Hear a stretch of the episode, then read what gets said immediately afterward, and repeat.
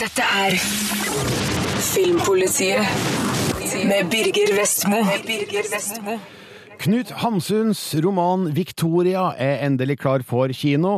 Produsent Jon M. Jacobsen skal fortelle hvorfor det her har tatt den 40 år, og jeg anmelder resultatet. Årets svenske Guldbaggevinner, 'Spise, sove, dø', har òg premiere i dag. Den skal anmeldes, og regissør Gabriella Pisler forteller hvordan hun fikk ideen til å lage film om arbeidsløs ungdom. Dessuten skal to store dataspill anmeldes, nemlig Crisis 3 og Metal Gear Rising. Og vi skal høre om en litt merkelig kinesisk filmproduksjon på Sunnmøre, basert på dataspillet Death of the Ancients. Dette er P3. P3. Min kjæreste Johannes. Når du leser dette brevet, er jeg død. Om filmatiseringa av Victoria viser én ting, så er det at Hamsun har gått ut på dato. Hans tekster virker stive, figurene er distanserte, og det gjør handlinga likegyldig. Slik virker det i hvert fall på filmen. Jeg leste romanen i tenåra, og husker hvordan jeg da ble grepet av denne tragiske kjærlighetshistorien fra slutten av 1800-tallet. Men filmen griper meg ikke. Den er vakkert fotografert, men regissør Torunn Lian får dessverre ikke fanga verken lidenskapen eller tragedien. Så de er forlovet. Hun ville ikke si det til meg. Hennes nabo og venn fra barndommen. Godsdattera Victoria, spilt av Iben Akerli, og møllersønnen Johannes, spilt av Jakob Oftebro, har hatt et godt øye til hverandre helt siden barndommen. Etter flere år med studier kommer Johannes tilbake som ung mann. Victoria har blitt ung kvinne, og følelsene er de samme. Men de tilhører ulike samfunnslag, og Victoria forlover seg med den svenske offiseren Otto, spilt av Bill Skarsgård, mens Johannes reiser ut i verden for å klatre opp samfunnsstigen. Og de har helt rett. Små opplag lønner seg ikke. Iben Akeli har et vidunderlig filmansikt og er slett ikke uten talent, men det er noe naivt over å la hennes Victoria uttrykke sine motstridende følelser ved hjelp av stadige stønn, klynk og vin. Denne teknikken ble også brukt i den norske ungdomsfilmen Skvis, og hjalp ikke der heller. Victoria trenger en sterkere Victoria. Jakob Oftebro er òg et udiskutabelt talent. Hans Johannes er nølende, tafatt og usikker, sjøl når han ifølge historien er opptatt av å komme seg opp i verden. Hvorfor han nøler med å ta et avgjørende skritt når alt ligger til rette for han, er et mysterium som filmen aldri forklarer. Sterke figurer og et manus med klarere definerte problemstillinger hadde vært å foretrekke. Historien er vakkert filma, annet med noen fine bilder av det gamle Kristiania, som må ha vært utfordrende å få til. Fotograf Harald Polgard fanger inn flere fine øyeblikk, både i frodig natur og på filmsett med overbevisende tidskoloritt. Men likevel kjeder jeg meg. Tankene går til en annen, nylig filmatisert klassiker om en kvinnes tragiske kjærlighet, nemlig Anna Karenina. Men mens Tolstojs figurer og tekster virker spill levende, mangler figurene i Victoria troverdighet, nyanser og liv. Formspråket, fortellerteknikken og skuespillet får filmen til å virke over 20 år gammel. Det var vel ikke filmskapernes ønske å få Hamsun til å virke utdatert? Åh, Johannes, det er en helt fantastisk dag i dag. Produsent Jon M. Jacobsen er en av Norges beste og mest meritterte. Han skal etter eget utsagn ha brukt 40 år på å realisere Victoria. Likevel kan det virke som om han har hatt det litt travelt. Filmen er ingen katastrofe, men virker som en forspilt mulighet til å gjøre Hamsun relevant til et potensielt nytt publikum. Farvel, Johannes. Din for alltid. Victoria. Dette er Filmpolitiet på P3. Den er produsert av eh, Jon M. Jacobsen, som eh, etter eget utsagn har brukt eh, 40 år på å få realisert prosjektet.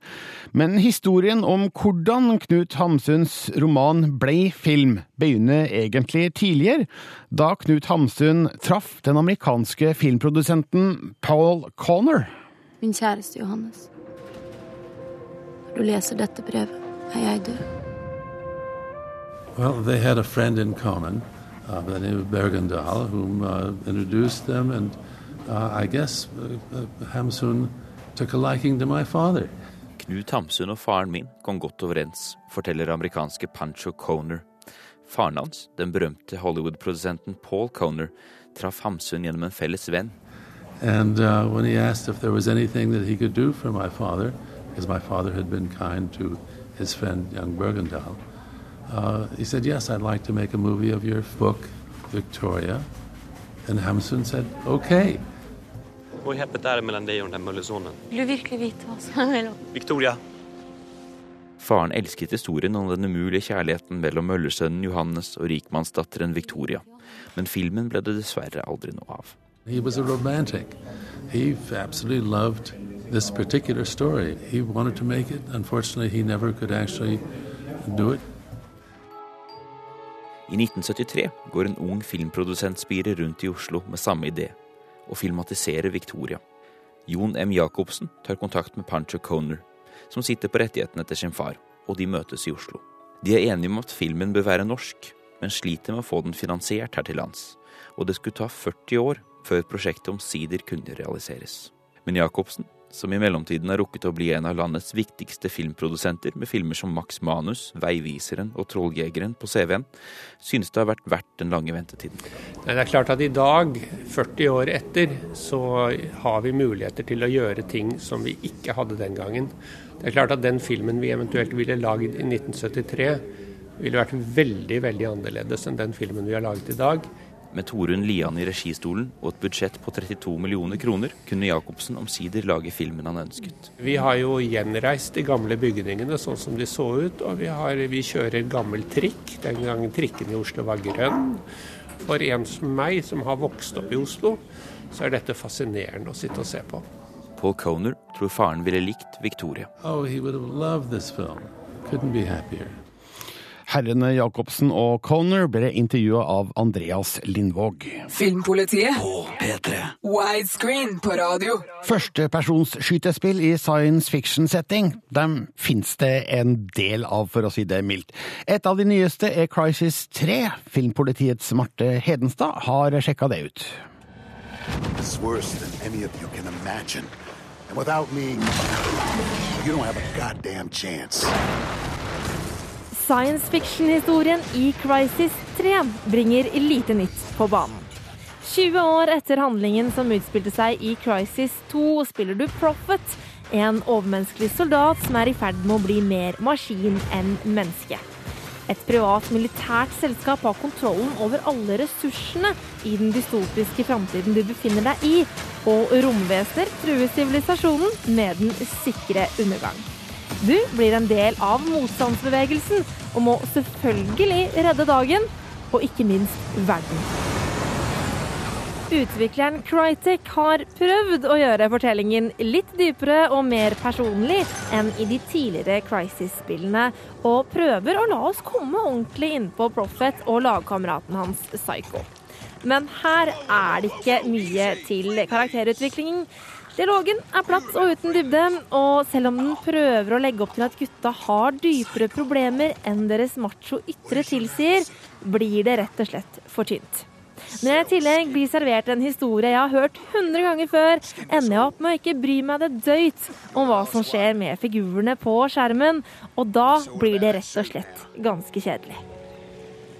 Det Crisis 3 mangler av dybde og sjel, tar det igjen på utseendet. Spillet ser fabelaktig ut.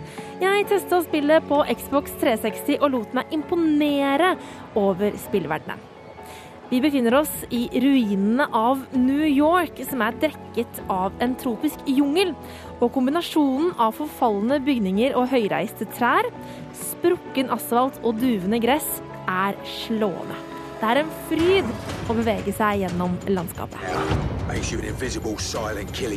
Du spiller som sagt en soldat med overmenneskelige egenskaper. Med nanodrakten Profit har på seg, kan du løpe umenneskelig fort, hoppe ekstremt høyt eller ta i bruk armor og cloak-funksjonen du er kjent med fra de tidligere spillene, som beskytter deg mot fall, fiendtlige angrep eller som skjuler deg for motstanderen. The greatest tactical combat machine the world has ever known. Nytt for Crisis 3 er at du kan bruke pil og bue. Og buen går hånd i hånd med cloak-funksjonen. For i motsetning til bråkete våpen avslører ikke buen posisjonen din når du skyter, og du forblir usynlig for fienden. Dette gir Crisis 3 et element av sniking som jeg liker godt. Jeg elsker å ta ut fiende etter fiende, mens de gjenværende gutta panisk begynner å forstå at de blir jakta på. For meg ligger det mer spenning der enn når jeg går på med guns blazing, som det heter på godt norsk. Well. Kampanjedelen av Crisis 3 er enkel, generisk og kort, og du kan spille gjennom den på en kveld. Likevel så kan Crisis 3 by på timevis med god actionunderholdning pga. en innholdsrik flerspiller. Spillet byr på de tradisjonelle flerspillermodiene som Deathmatch og Capture and Hold, men den mest interessante er Hunter Mode. Der to jegere med cloak-funksjonen på og buen i hånd skal ta knekken på ti soldater. Du får poeng etter hvor lenge du klarer å holde deg i live, og denne modusen er nervepirrende og spennende. En god flerspiller til tross så vil nok ihuga Crisis-fans bli noe skuffet over denne avslutning på science fiction-serien. Men for søndagsspillere som er ute etter lett actionunderholdning, er Crisis 3 et godt alternativ.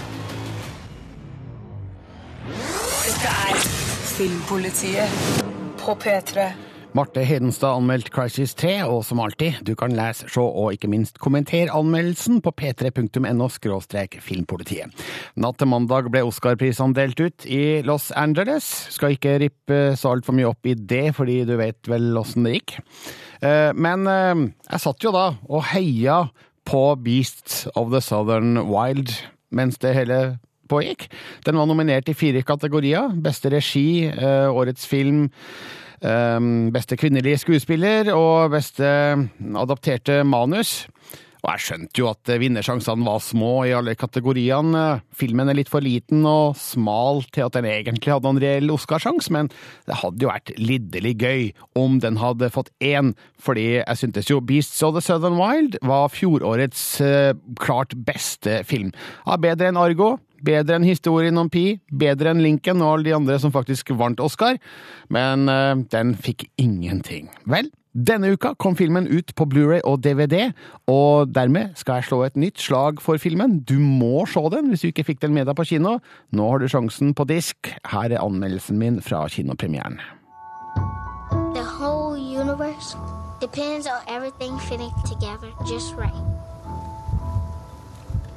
If one piece bust, even the smallest piece, the entire universe will get busted.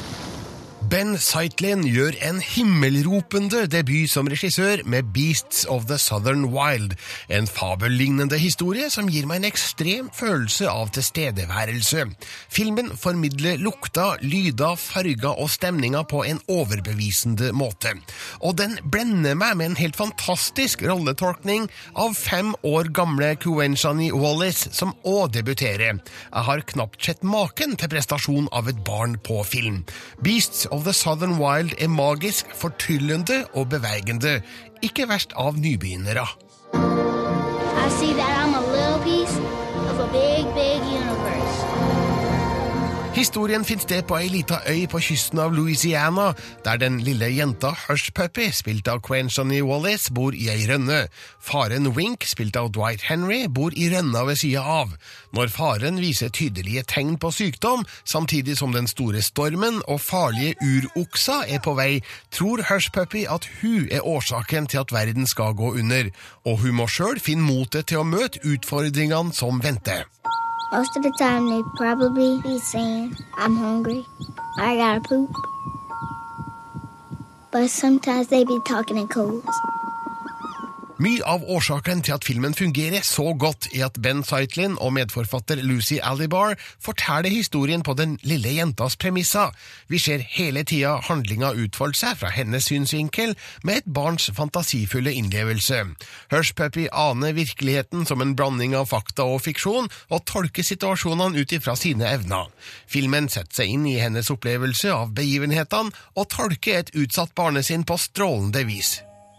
Back when Daddy used to talk about Mama, he said she was so pretty she never even had to turn on the stove. Jeg så Beasts of the Southern Wild på Cannes-festivalen i mai, og har rett og slett ikke greid å glemme den. Ved andregangs påsyn forstår jeg hvorfor. Det her er en fantastisk film med tidløse kvaliteter, et drømmende uttrykk, en sterk historie om tilhørighet og en utrolig innsats av filmens lille hovedrolleinnehaver. Jeg bruker store ord, men jeg kan love deg at Beasts of the Southern Wild er verdt all sammen. In a million years, when kids go to school, they're gonna know. Once there was a hush puppy, and she lived with her daddy in the bathtub.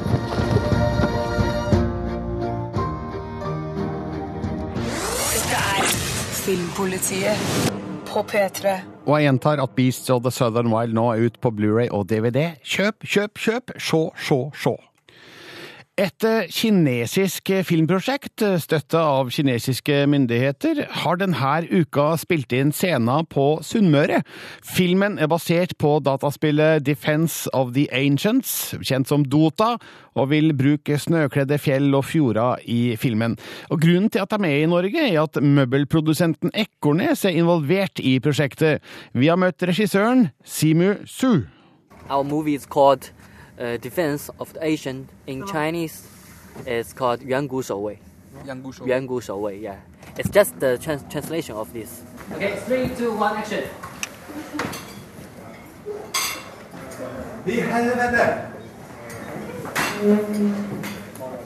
Perfect. This is perfect and uh, all is good and uh, there's one problem. Simo Su er kinesisk filmregissør. For tida i Norge sammen med produser Ronny Tang.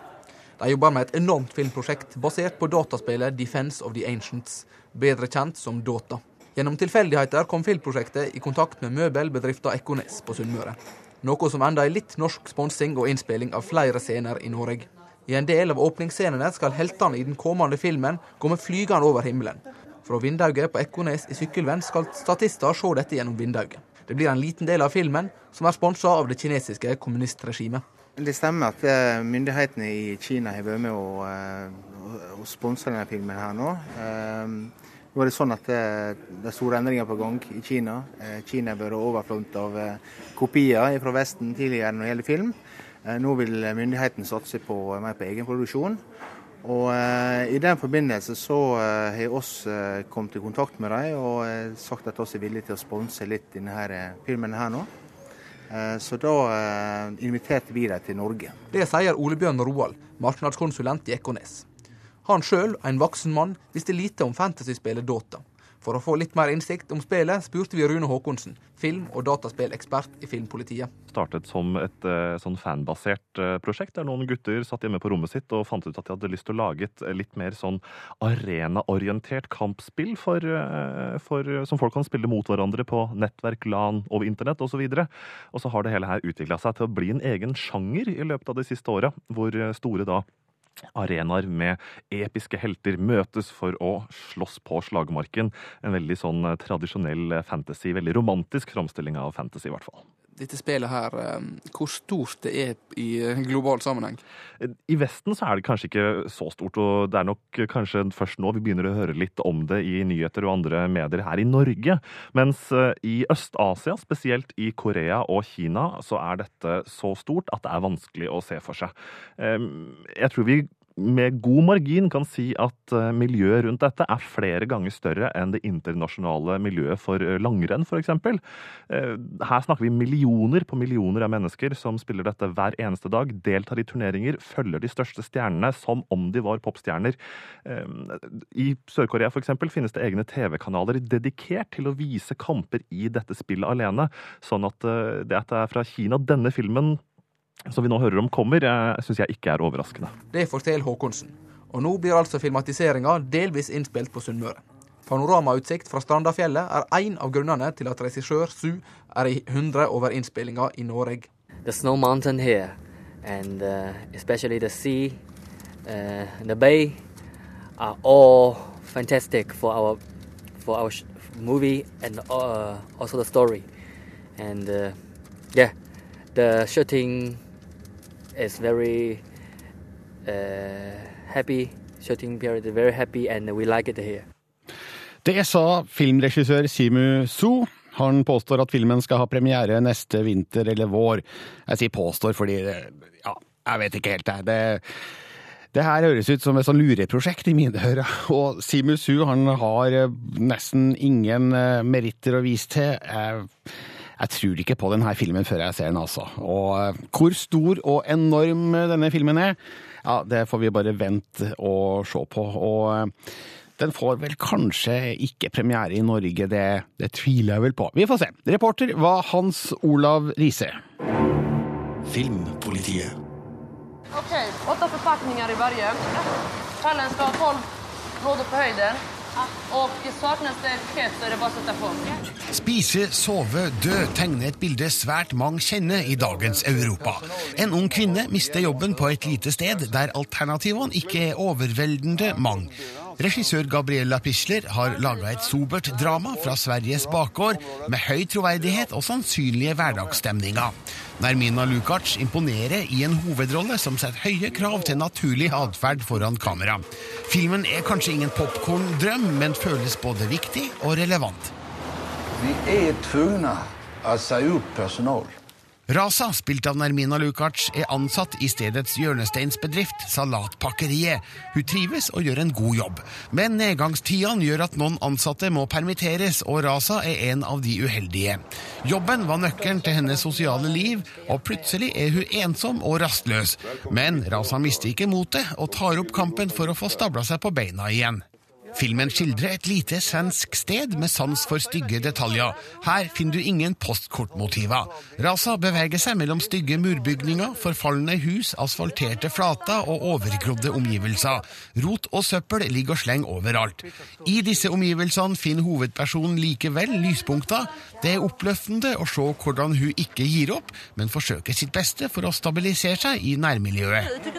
Nej, det tycker jag inte. Det är skitkul. Nermina Lukacs gjør en formidabel jobb i hovedrollen, som er hennes filmdebut. Hennes naturlige nærvær og høyst hverdagslige fremtoning er viktig for hvor godt hun fungerer i historien. Hun formidler store mengder ekthet og troverdighet. Forholdet til hennes ryggplagede far, spilt av Milan Dragicic, er prega av et sterkt samhold og får rørende utfall. Også han strever med å få endene i sitt liv til å møtes, og må reise til Norge for å tjene penger. Jaså? Spise, sove, dø er imponerende debuter av både Gabriella Pichler og Nermina Lukac, som begge ble belønna med svenske Guldbagger. Det er en viktig film om hvordan man har det i dagens Europa, og hvilke utfordringer unge mennesker må takle i et stadig tøffere arbeidsklima. Filmen viser at det gjelder å ikke gi opp, men at man må forberede seg på forandringer for å komme videre. Livet handler om mer enn å spise, sove og dø. Filmpolitiet på P3. Jeg møtte Pichler da hun gjesta Tromsø internasjonale filmfestival i januar. Da hadde hun allerede vist filmen flere steder i utlandet, altså utenfor Sverige, og hun var overraska over den gode mottakelsen filmen hadde fått. Det er litt otippet. Altså, det var vel ikke riktig det som eh, jag trodde det skulle hända. Jag trodde den var väldigt, att det var en väldigt specifikt svensk film. Eh, och väldigt lokal på något sätt. Alltså att, den, eh, att svenskar skulle känna igen sig i den, men kanske inte så mycket mer. Men eh, sen kom vi till Venedig på filmfestivalen och där tyckte de ju att det var en väldigt global film. og det, det hadde ikke du trodd? Nej, nej, jag, jag, jag trodde verkligen inte. Jag tänkte att det, i Sverige kommer det nog ha liksom en viss, eh, vara lite av ett, eh, ja, att den skulle röra om lite i Sverige. Men, eh, men utomlands hade jag inte en aning om, alltså, verkligen inte. Hvilke reaksjoner har du fått i utlandet? Eh, där, där ser man det ju, särskilt i Europa, ser man det ju väldigt mycket i, i, i förhållande till den ekonomiska krisen de senaste åren. Man känner igen sig mycket, eh, särskilt för unga människor av idag. Eh, men också, jag tror det finns någon, man går igång på människorna som spelar, att det, det finns någon, de, de blir lite smittade av, av värmen som de människorna utstrålar. Så jag, på något sätt så har det ja, har den hittat uh, ut. Mm. I programmet her i Tromsø så står det at eh, Programmet påstår i hvert fall at du ville endre svenskenes syn på sin egen nasjonale identitet. Ja. Stemmer det? Ja. Uh, Hvorfor det? Ja, men det finns någonting lite självgott och eh, lite eh, i Sverige där man fortfarande tycker man är bäst i världen på väldigt många saker. Eh, och eh, jag tycker att man det finns en bild av, av att det inte finns klasser i Sverige längre, att vi har kommit förbi det där att alla har det lika, lika bra och att det eh, att, det är något, att solidaritet är någonting så här för gammalt och förlegat och att man eh, nu är det individen som, som gäller. Och, och det, det, finns, det, det jag vill göra är att på något sätt, aha, men okej, okay, hur ser det ut idag? Hur ser det ut 2012? Alltså väldigt en sån här tids, tidsmarkör. Um, vad är det för diskussioner vi har? Vad, vad, vad, är det för, vad är det människor har problem med idag? Um, och hur ser den nya arbetarklassen ut? Vilka består det av? Hva finns... Eh, ja, men det, det är allt från främlingsfientlighet som är väldigt så som man inte har velat prata så mycket om. Eller man, man, man vill så sopa det lite under mattan. Det hände inte i Sverige och sen för några år sedan så kom Sverigedemokraterna in i, i riksdagen och nu har vi ett högerpopulistiskt parti. Ja, det kunde hända i Sverige också. Så att det, jag tror vi har många saker att göra upp med lite grann. Eh, ja. Du har også skrevet manus til filmen. Ja. Hva, var det, hva var det du starta med? Hvor kom ideen fra?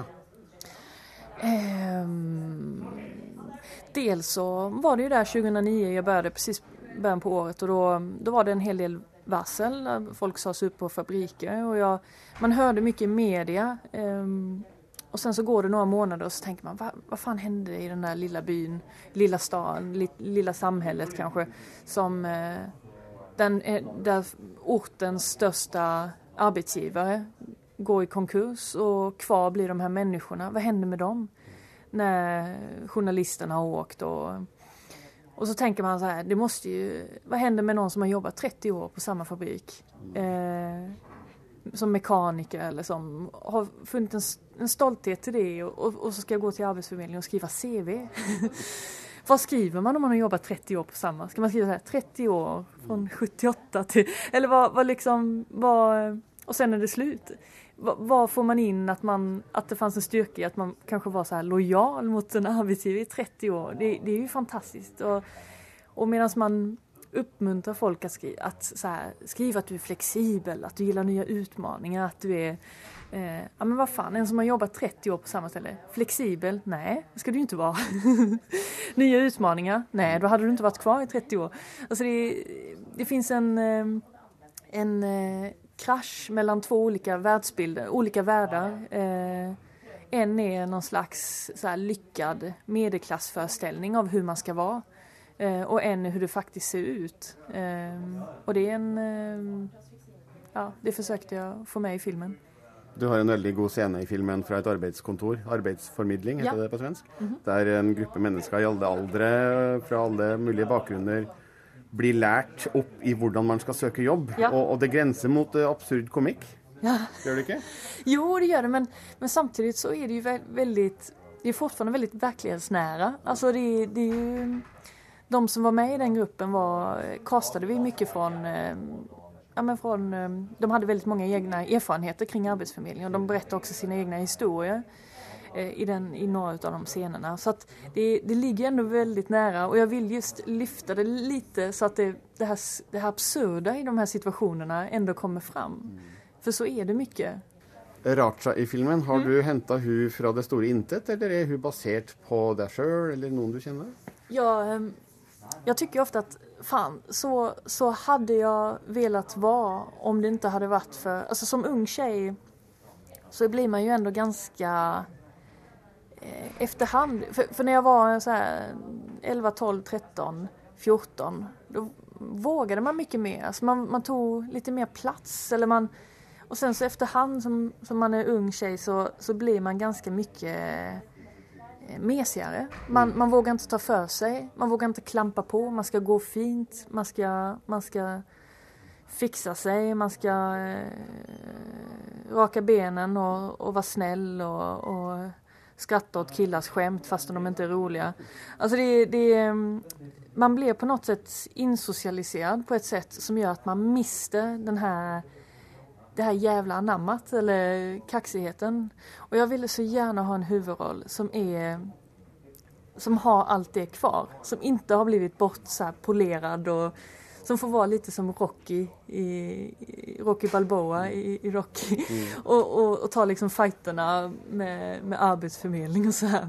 Inte i ringen men, men, men att det finns den här typen av karaktär. Mm. Eh, och med henne på något sätt så, så ut, seg sig hela filmen. Utmaningen var ju sen att hitta en person som skulle kunna spela den här karaktären. Eh, og det gjorde vi til slutt. Du fant eh, Nermina Lukac? Ja. Hvordan skjedde det? Eh, vi lette veldig lenge, eller nesten et år. Eh, bara efter provfilmade vi tjejer med den bakgrunden rent kulturellt och i den åldern och från Skåne. Det var en väldigt smal grupp av människor. Men eh, jag har en fantastisk kastare, Lotta Forsblad och hon eh, hon gick på varenda liten tråd som liksom stack upp så drog hon i den och såg om det ledde någon vart. Och här var det liksom ett namn vi fick att jo men där, hon var lite så här pojkflicka när hon var yngre. Men nu var hon ju 20-21 så det var inte säkert att hon var eh, likadan och det, det var hon ju inte men, men hon kunde lätt relatera till de här eh, till sättet att gå på, till, till, till kaxigheten och eh, hade aldrig sysslat med film, ville knappt. Jag menar hon, hon, hon jobbade på en tejp, packade tejp då på en fabrik och skulle utbilda sig till fritidsledare eh, och jobba med barn och ungdomar. Eh, och hade inte ens sökt rollen och vi frågade om hon ville komma och provfilma. Mm. Och så var hon klockren. Mm. Det er en interessant stil du har i filmen. Det er veldig realistisk, veldig Mm. troverdig. Uh, og det er ganske vanskelig å få til faktisk på film. Hvordan, Mm. hvordan har du jobba med hvordan filmen skal, skulle, skulle se ut? Det er jo en eh, litt annorlunda prosess, tror jeg, mot hvordan man skal gjøre film enligt mange, for å være profesjonell og alt det der. Og, eh, det begynte mye med at vi... Jeg ville, jeg ville ha... Jag vil inte sitta och skriva ett år och sen kanske hitta, ha färdiga karaktärer och hitta människor som ska passa in i det som är liksom så här...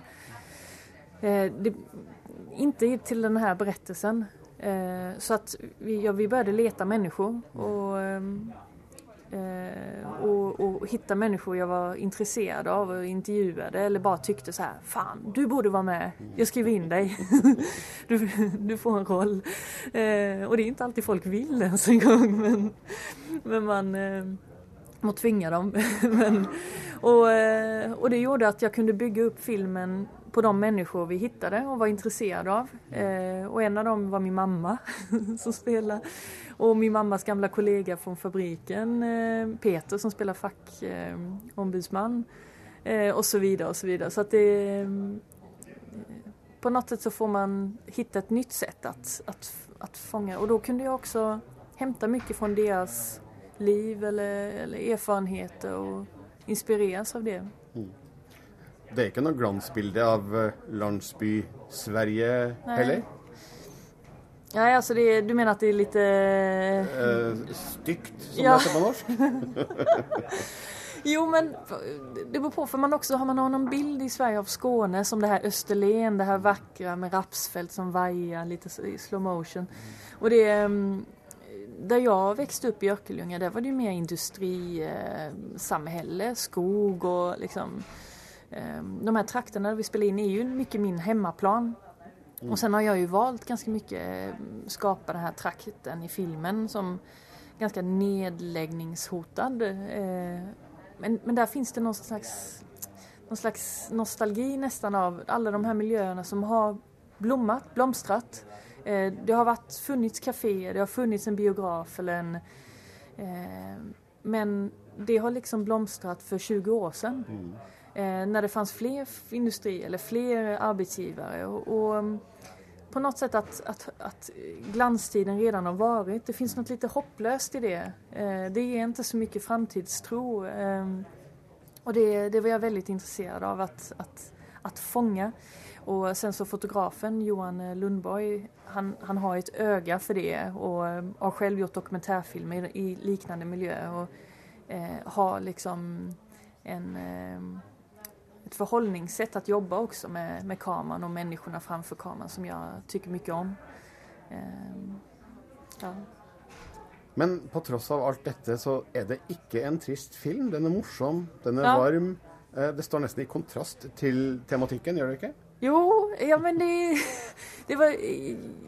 Det, det sista jeg vil er at man skal gå ut derfra og kjenne sånn Ai, fy fan hva livet er Og at man liksom, At man får en håpløshet. For det, det er ikke heller min mening utan jeg, jeg vil bare gi en bild av hur, så her kan det også se ut i Sverige 2012.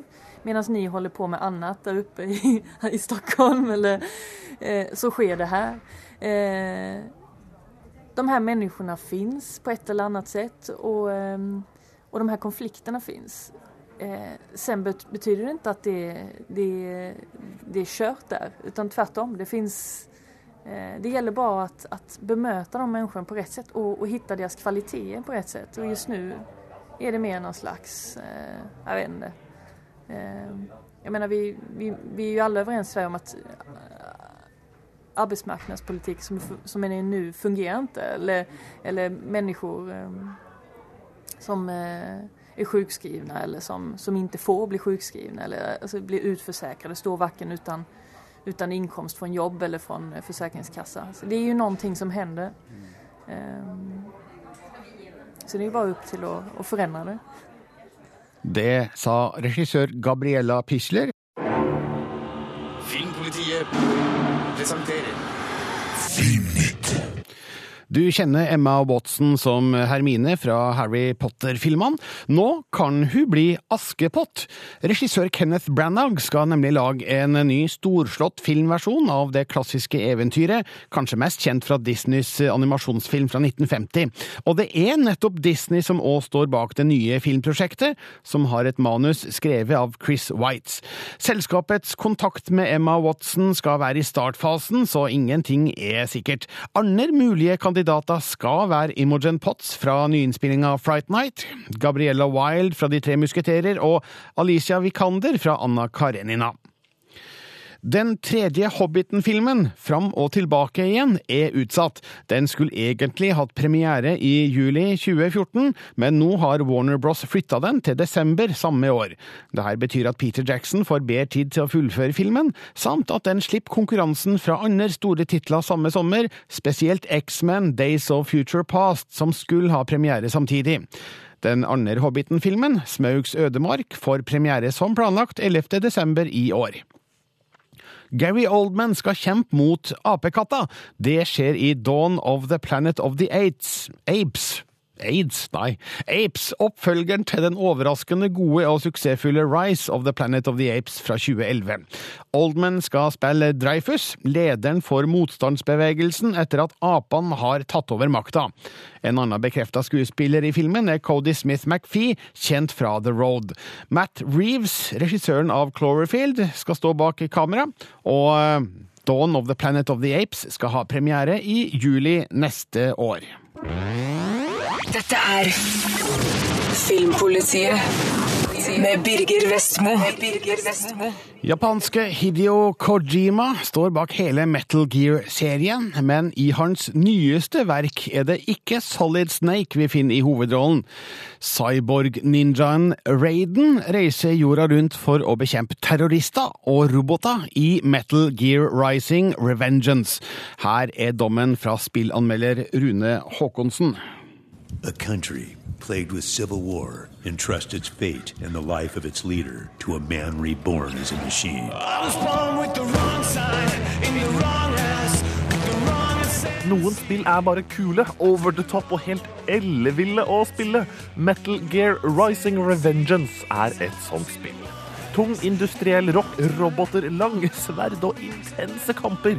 Det er bare noen av ingrediensene i Hideo Kojimas nye spill i Metal Gear-serien. Kjenningen Solid Snake er ikke hovedpersonen i Metal Gear Rising. Det er Raiden, en cyborg, en kombinasjon av et menneske og en robot. En tidligere barnesoldat som ble brukt som forsøkskanin for grusomme medisinske eksperimenter hos gruppa The Patriots. At han da også er en superninja, gjør det hele absurd. Uh, ja, absurd artig. I told myself this was about justice. About protecting the weak. But I was wrong.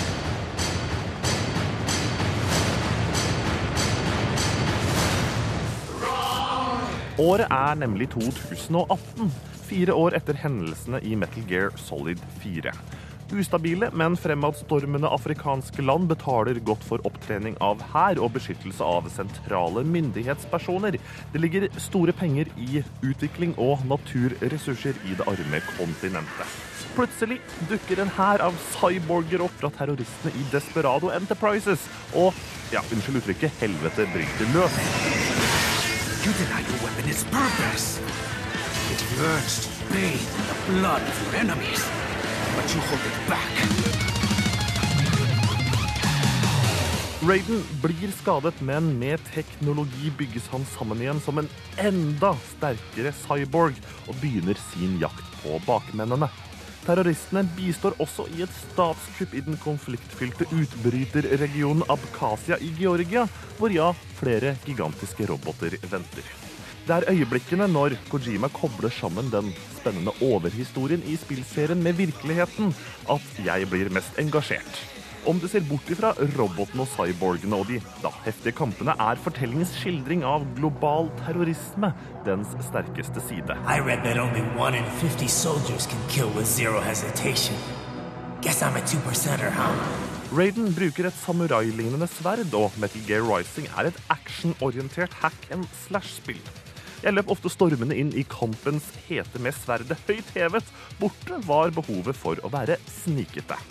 Siden spillet ikke hviler like tungt på snikedelen som de andre spillene i Metal Gear-serien, sliter også kamera som henger i tredjepersonsperspektiv med å følge etter. Mitt største problem med Metal Gear Rising-spillet er at det føles begrenset og lukket. Mens historien tar meg med til eksotiske steder og konfliktsoner, møter jeg ofte den usynlige veggen når jeg forsøker å se meg omkring. Det er ofte kun én riktig vei fremover i spillet, og når Raiden lett hopper opp og ned hindringer og springer raskt av gårde med sine ninjakrefter, tar det ikke lang tid før jeg får følelsen av å løpe fra mellomsekvens til mellomsekvens. Det actionorienterte kampsystemet kler Metal Gear-universet, men de til tider lukkede spillområdene og mangelen på samarbeidsspilling gjør sitt for å begrense opplevelsen. Når det er sagt, de ekstremt intense kampene mot gigantiske roboter, utkjempet av en ninja-cyborg med samuraisverd, de er helt utrolig spennende, og hakeslippøyeblikkene kommer på rekke og rad. This is why I fight. This is my normal. It's my nature.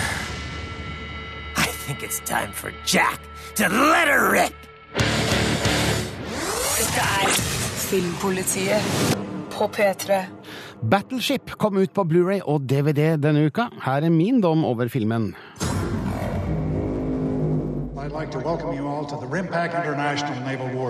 Det var flere enn jeg som stussa da det ble kjent at Hasbro planla en film basert på det klassiske brettspillet Battleship. Hva kunne det bli? Og svaret er en overdådig effektorgie som gir maksimalt smell for pengene. Eller bang for the buck, som amerikanerne kaller det. Og Battleship er fryktelig amerikansk, på godt og vondt. Historien er akkurat passe glatt og teit, slik det kler slike filmer. Den har flere hylende åpenbare plotthull, men jeg klarer ikke å bry meg om slike filledetaljer i en slik sammenheng. Jeg ler både av og med filmen. Den er teknisk velgjort, underholder skamløst og er en nydelig match med smørdynka popkorn. I want to have this thing thoroughly investigated. Tunga må rett i munnen når utgangspunktet for historien skal beskrives. En marineøvelse utafor Hawaii blir alvor når skipene får kontakt med utenomjordiske romskip som lander i havet med skumle hensikter. Brødrene Alex og Stone, spilt av Taylor Kitsch og Alexander Skarsgård, blir sentrale i kampen som følger, der mannskap på flere skip må bekjempe inntrengerne og finne ut hva de egentlig vil. We have three destroyers still unaccounted for, so it's conceivable we do have somebody inside. What are your orders? Filmen ser ut som den er snytt ut av Michael Bays nese, kombinert med Roland Emmerich sin våteste drøm, men det er Peter Berg som har regissert det her. Han viser at han behersker en fullblods-effektfilm med den rette miksen av corny dialog, todimensjonale figurer og glimt i øyet. Jo da, det er mange elementer ved Battleship som vil få viderekommende filmkjennere til å vri seg i kinosetet, men denne filmen er ikke for dem. Det her er superbredt publikumsfrieri i episk forstand. Brød og sirkus til folket. Det fins faktisk figurer i filmen som er verdt å merke seg mellom alle de visuelle effektene. Kitsch og Skarsgård er gode som actionbrødre. Rihanna er visst en krysning av radaroperatør og skytter, og gjør ikke skam på seg. Liam Neeson er solid i sine korte opptredener som admiral. Brooklyn Decker er åpenbart ansatt som eye candy, og Hamish Linklater spiller rollen som forsker, akkurat slik Jeff Goldblum gjorde i Independence Day. Det er nok ingen tilfeldighet. Battleship vil være Independence Day til vanns. Den har det visuelle fyrverkeriet, men jeg savner mer av Emmerich sin spenningsoppbygging, og det hadde heller ikke skada med mer humor.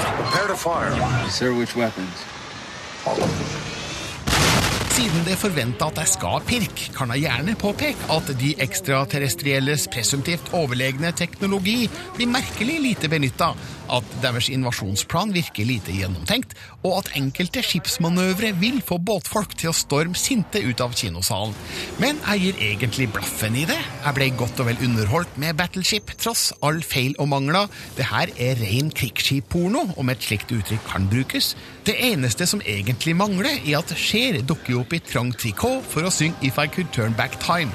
Har du sett musikkvideoen, forstår du sammenhengen.